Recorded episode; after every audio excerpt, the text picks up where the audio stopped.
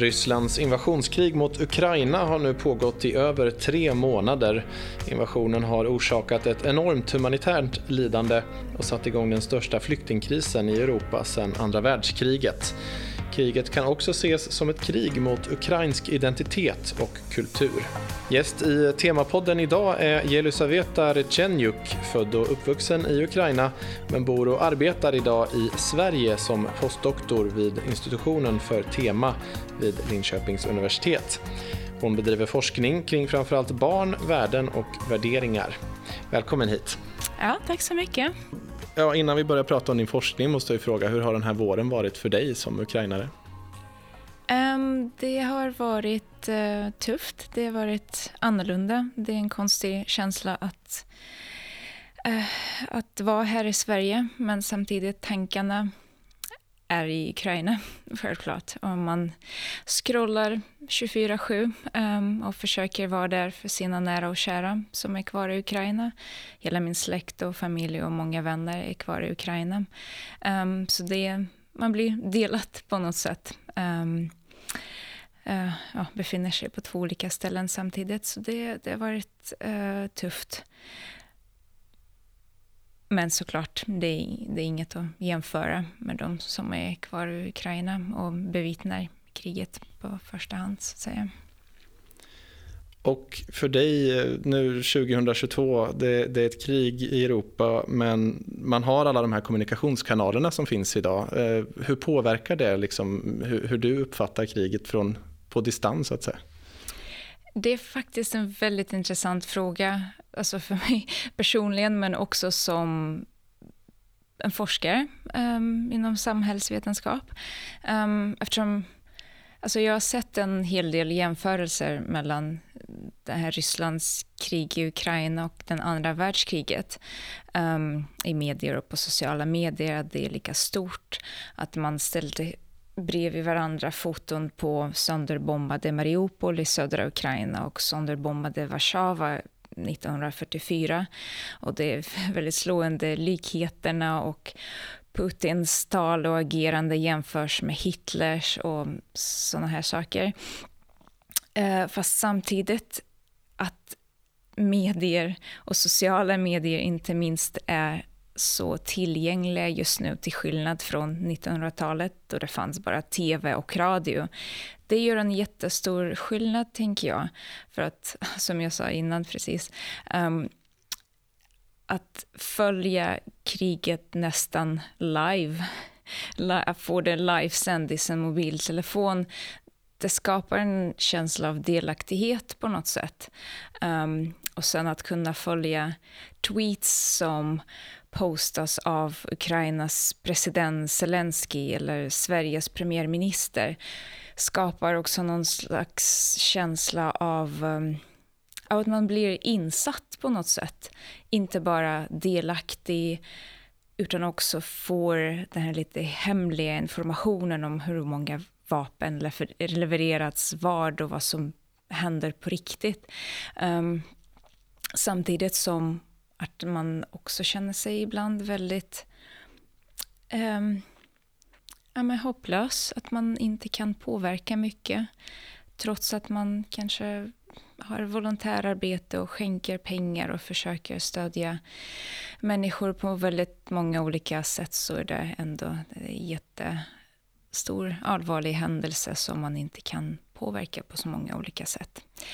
Um, men också Um, så det finns den här chattappen som heter Telegram. Jag tror inte att den är väldigt populär här i Sverige, men den har varit populär i Ukraina och har blivit ännu mer populär nu sen Rysslands invasion i februari. Um, dels för att Alltså det, det är en, en chattapp. Um, Motsvarande Messenger? Ja, men princip. Mm. Um, fast man kan också följa olika trådar, olika kanaler, exempelvis kanaler som drivs av um, journalister eller nyhetskanaler. Um, så att många använder appen på det sättet och håller kontakt med nära och kära. Um, men den har också blivit väldigt viktigt för volontärsrörelsen som har varit stor i Ukraina sedan första dagarna. Um, inte minst de där första veckorna när en flertal olika länder funderade på om de ska skicka um, hjälp och vapen till Ukraina. Då var det just volontärer som uh, skänkte pengar, samlade in pengar, köpte allt som behövdes, hjälpte till att evakuera människor, eh, skaffa allt ifrån mat till vapen och allt möjligt. Och den här rörelsen fortsätter vara väldigt relevant och den koordineras inte minst via Telegram och andra sociala medier. Så det har vuxit och blivit en väldigt komplext och komplicerat nätverk, um, de här apparna. Så de också får betydelse på det sättet. Um. Mm. Eh, om vi ska prata om din forskning lite grann. Eh, du flyttade till Sverige 2014 och nu arbetar du som postdoc här vid institutionen vid Tema vid Linköpings universitet. Eh, vad är det du forskar på? Um, jag doktorerade förra året på en avhandling om barn och välgörenhet. Jag var intresserad av specifikt av kampanjer som drivs av um, vinstdrivande företag i samarbete med icke vinstdrivande organisationer. I, I det fallet som jag undersökte så var det Ikea och Rädda Barnen. Nu jobbar jag på ett annat forskningsprojekt um, som har ett annat fokus. Och, um, det projektet heter Barns kulturarv, arkivets visuella röster. Uh, och det drivs av Anna Sparman som är professor på tema barn och två andra temabarnare är också med i projektet. Och det handlar om barns kulturarv som man kanske kan gissa från, utifrån eh, titeln men också om barns rätt till kultur och barns bildskapande praktiker. Helt, helt kort så vill vi undersöka alltså vad, vad är barns kulturarv, barns egna kulturarv. Hur kan vi förstå det? Hur kan vi tänka kring det, inte minst utifrån barns och ungas egna perspektiv?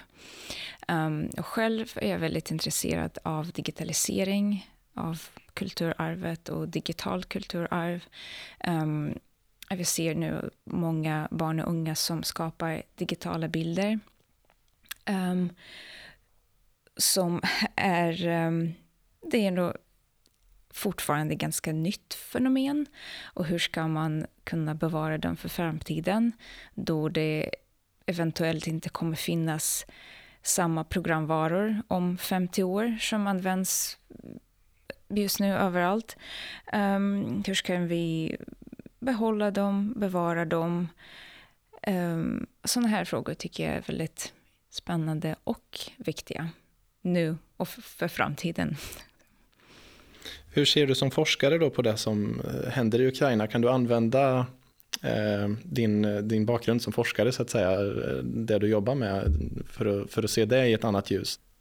Alltså en, en sak som jag måste erkänna att um, vissa frågor har blivit lite solklara för mig som person. Frågor som innan innovationen jag hade säkert sagt att nej, det här är, det här är komplicerat. Det är, det är väldigt många, många olika nyanser och olika moment och så vidare. Men som en person tycker jag det nu är ganska solklart. Um, jag tänker på sådana här frågor som rör faktiskt kulturarv. Inte specifikt barns kulturarv eller ungas kulturarv, men ukrainsk kulturarv. Um, som bara under de här tre månaderna sedan Rysslands invasion um, har faktiskt skadats och förstörts ganska mycket. Alltså gamla byggnader som har historiskt och kulturell betydelse. Träkyrkor, museer, arkiv, monument över hela landet har faktiskt skadats eller förstörts och det finns en en digital karta som satts ihop av um, Ukrainas kulturministerium där de visar väldigt tydligt hur många och att det är verkligen i olika delar av landet och inte bara i exempelvis i östra Ukraina. Um, som kulturarv är faktiskt under en ganska stor risk. Um, mm.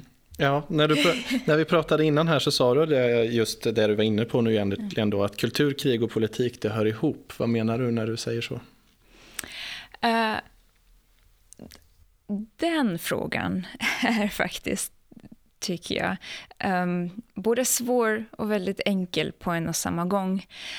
Um, och det var inte minst Eurovision, årets Eurovision, som fick mig att, att tänka på det. Um, låten handlar mycket om tacksamhet till uh, sångarens mamma och mammor överallt. Um, jag också skulle våga påstå att låten handlar om, om att komma hem. Um, känslan att vara hemma, att känna sig hemma. Um, och det har ju blivit ett känsligt ämne för många ukrainare uh, på många olika sätt. De som är kvar i sina hem men lever med dagliga flyglarm och inte längre känner, känner sig helt säkra hemma. Um, och de som har förlorat sina hem, kanske sina nära och kära. De som tvingats flytta utomlands men längtar hem. Um, Oleg Psyuk, eh, som är solisten heter, um, han sjunger exempelvis då lammanими дорогами прийду я додому, vilket kan lite löst översättas att um, han kommer alltid komma hem till mamma oavsett hur svår vägen kommer vara. Så det, det är både en tuff låt men samtidigt också hoppfull. Um, så det är låttexten. Men rent musikaliskt, eller inte rent, men musikaliskt eh, skulle jag också vilja våga påstå att eh, låten har en speciell betydelse för att den blandar folkmusik eh, med modern musik, med rap eh, och en låttext på ukrainska. Ehm, och den här lite fusion, intressanta blandningen av, av eh, tradition och modern, den är ganska viktig för ukrainsk kultur, både historiskt sett och, ehm, och just nu. Och eh, dessutom om vi tittar på um, dräkten uh, som eh, bandet bar på Eurovision vi ser också broderade västar, exempelvis med den här rosa Panama-hatten som har blivit lite symbolisk nu för alla fans som har köpt, köpt en eh, Panama-hatt själva. Um, Alltså det är både musik, traditionell folkmusik, folk, folkinstrument. Um, den instrumenten som vi hör mycket i låten heter supil, supilka. Um, folkinstrument, folkmusik, folkdräkt och moderna liksom hiphop-style brallor och såna här moderna kläder. Um, den blandningen um, ser vi ganska mycket i ukrainsk populärkultur, inte minst sen 90-talet. Um, um, sen Ukraina blev eh, självständig. Um, exempelvis Go A, bandet Go A som uh, tävlade uh, i Eurovision förra året. Det är en electro-folkband. Um, och det finns band som blandar folk med rock, uh, rap, elektronika, alla andra sorters musik. Och här måste jag nog förklara att um, Ukrainsk kultur har under flera hundra... Nej, inte eh, under flera århundraden kan vi säga. Tack, precis. Um, har framställts um, inom rysk propaganda som den här lantliga, lite enkla, lite låga kulturen till skillnad då från rysk kultur som framställts som den här finare högkultur såsom opera och ballett och litteratur. Um, den bakgrunden blir viktig, tänker jag, när man ser den här um, revival av folkelement i ukrainsk modern, eller populärkultur just nu. Både musik, litteratur, teater, kläder och design. Um, det är på något sätt att um, man tar tillbaka folkkulturen och traditioner och visar att då man kan dessa traditioner trots att ja, eh, under Sovjettiden, under 1800-talen ehm, eh, har rysk imperiet försökt att eh, ja, säga att det inte finns någon ukrainsk kultur som är särskild, som är annorlunda till eh, rysk kultur. Ehm, men också samtidigt att man visar att man kan det, att man använder det på ett skickligt sätt som är inte gammaldags. Det är inte alls gammaldags att blanda ihop folk och supilka ljud med rap, kanske hiphop-elementer. Uh, eh, så att både bevara den här traditionen men också modernisera den. Packa upp det på, på ett sätt som blir intressant för tydligen europeiska lyssnare över flera länder som blir lite fräscht, lite intressant. Så jag tycker att det vikten av Stefania är att den um, ligger i linje med den här folk-revival i ukrainsk kultur och liksom skapar ganska starka uttryck. Det är, det är starkt, tänker jag. Att um, ja, tänka om ukrainsk traditionell kultur, folkkultur på det sättet.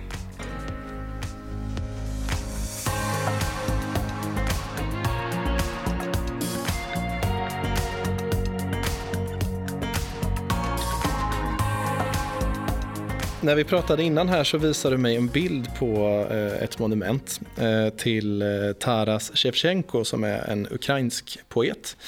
Och det här monumentet har ett kulhål i sig. Eh, och du beskrev det som att ryska soldater, och det var du inne på här också, har kommit till eh, Ukraina för att kriga mot kulturen som sån. Eh, kan du utveckla det? Ja, men precis. Den bilden som du nämner den tagits i en by, Borodjanka, som ligger nära huvudstaden Kiev ehm, efter att byn befriades från ryska ockupationen i början av april. Um, och Shevchenko är en av de mest kända ukrainska poeter.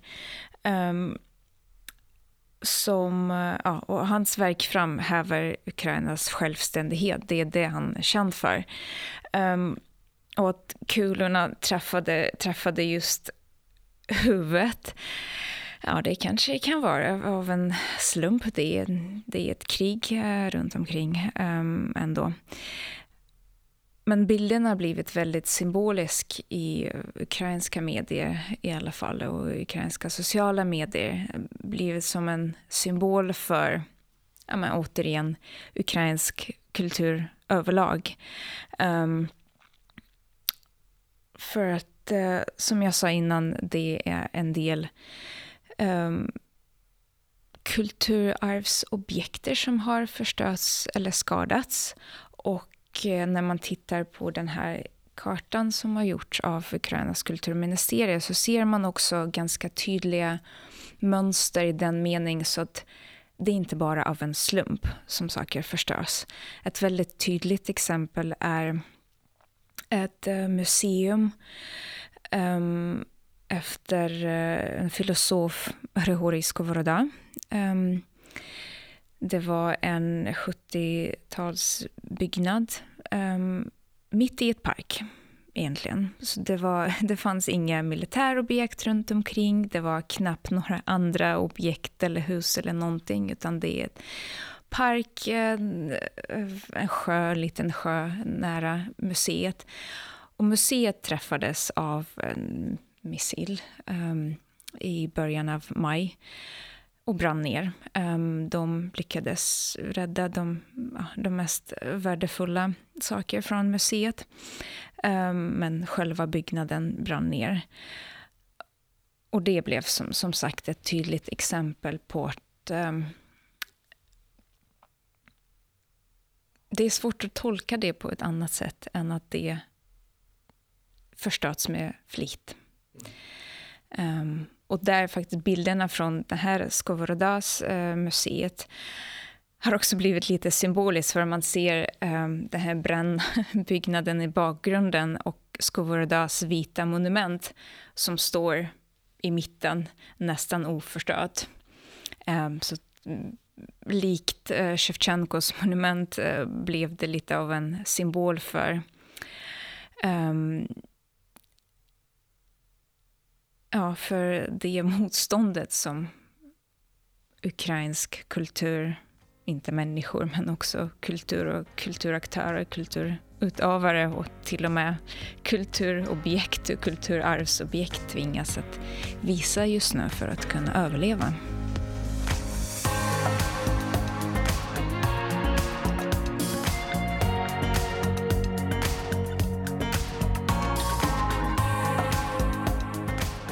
På vår arbetsplats vid eh, institutionen för tema så har det startats en speciell grupp eh, sen, eh, sen kriget eh, startade så att säga. Vad, vad, gör ni? För du sitter med i den. Ja men precis. Det, mm, det har varit väldigt spännande och jag blev, jag blev väldigt glad att en sån grupp finns. Ehm, det är nu ehm, tre ukrainska forskare eh, som har kommit hit till Tema och, och, ska vara här och arbeta här på Tema en stund. Um, samarbeta med forskare på Tema. Um, uh, så det har varit en hel del arbete med Eh, med att kunna välkomna dem hit um, och ge dem möjligheten att fortsätta arbeta ehm, jag har faktiskt träffat eh, de här forskarna och pratat med dem lite grann om hur det har varit och om det är ens möjligt att, eh, för dem att fortsätta arbeta på sina ja, gamla projekt. Och det är inte alltid möjligt. Det är servers som förstörts, det är dokument som förstörts, det är, det är många kollegor som är kvar i Ukraina och mm, ja, försöker jobba hemifrån och från bomb shelters och allt möjligt. Um,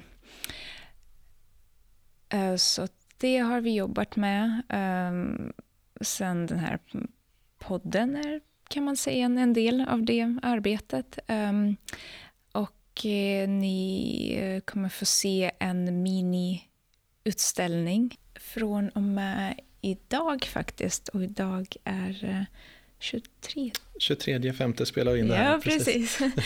um, och uh, under fem veckor framåt kommer ni få se en liten konstutställning som, um, Eh, som har satts ihop av en grupp ukrainska konstnärer och grafiska formgivare och illustratörer som heter Pictoric. Och det är um, över 200 affischer som skapats sen um, Rysslands invasion i februari 2022.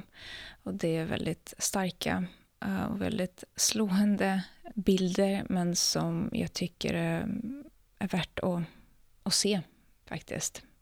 Inte titta bort, så att säga. Mm.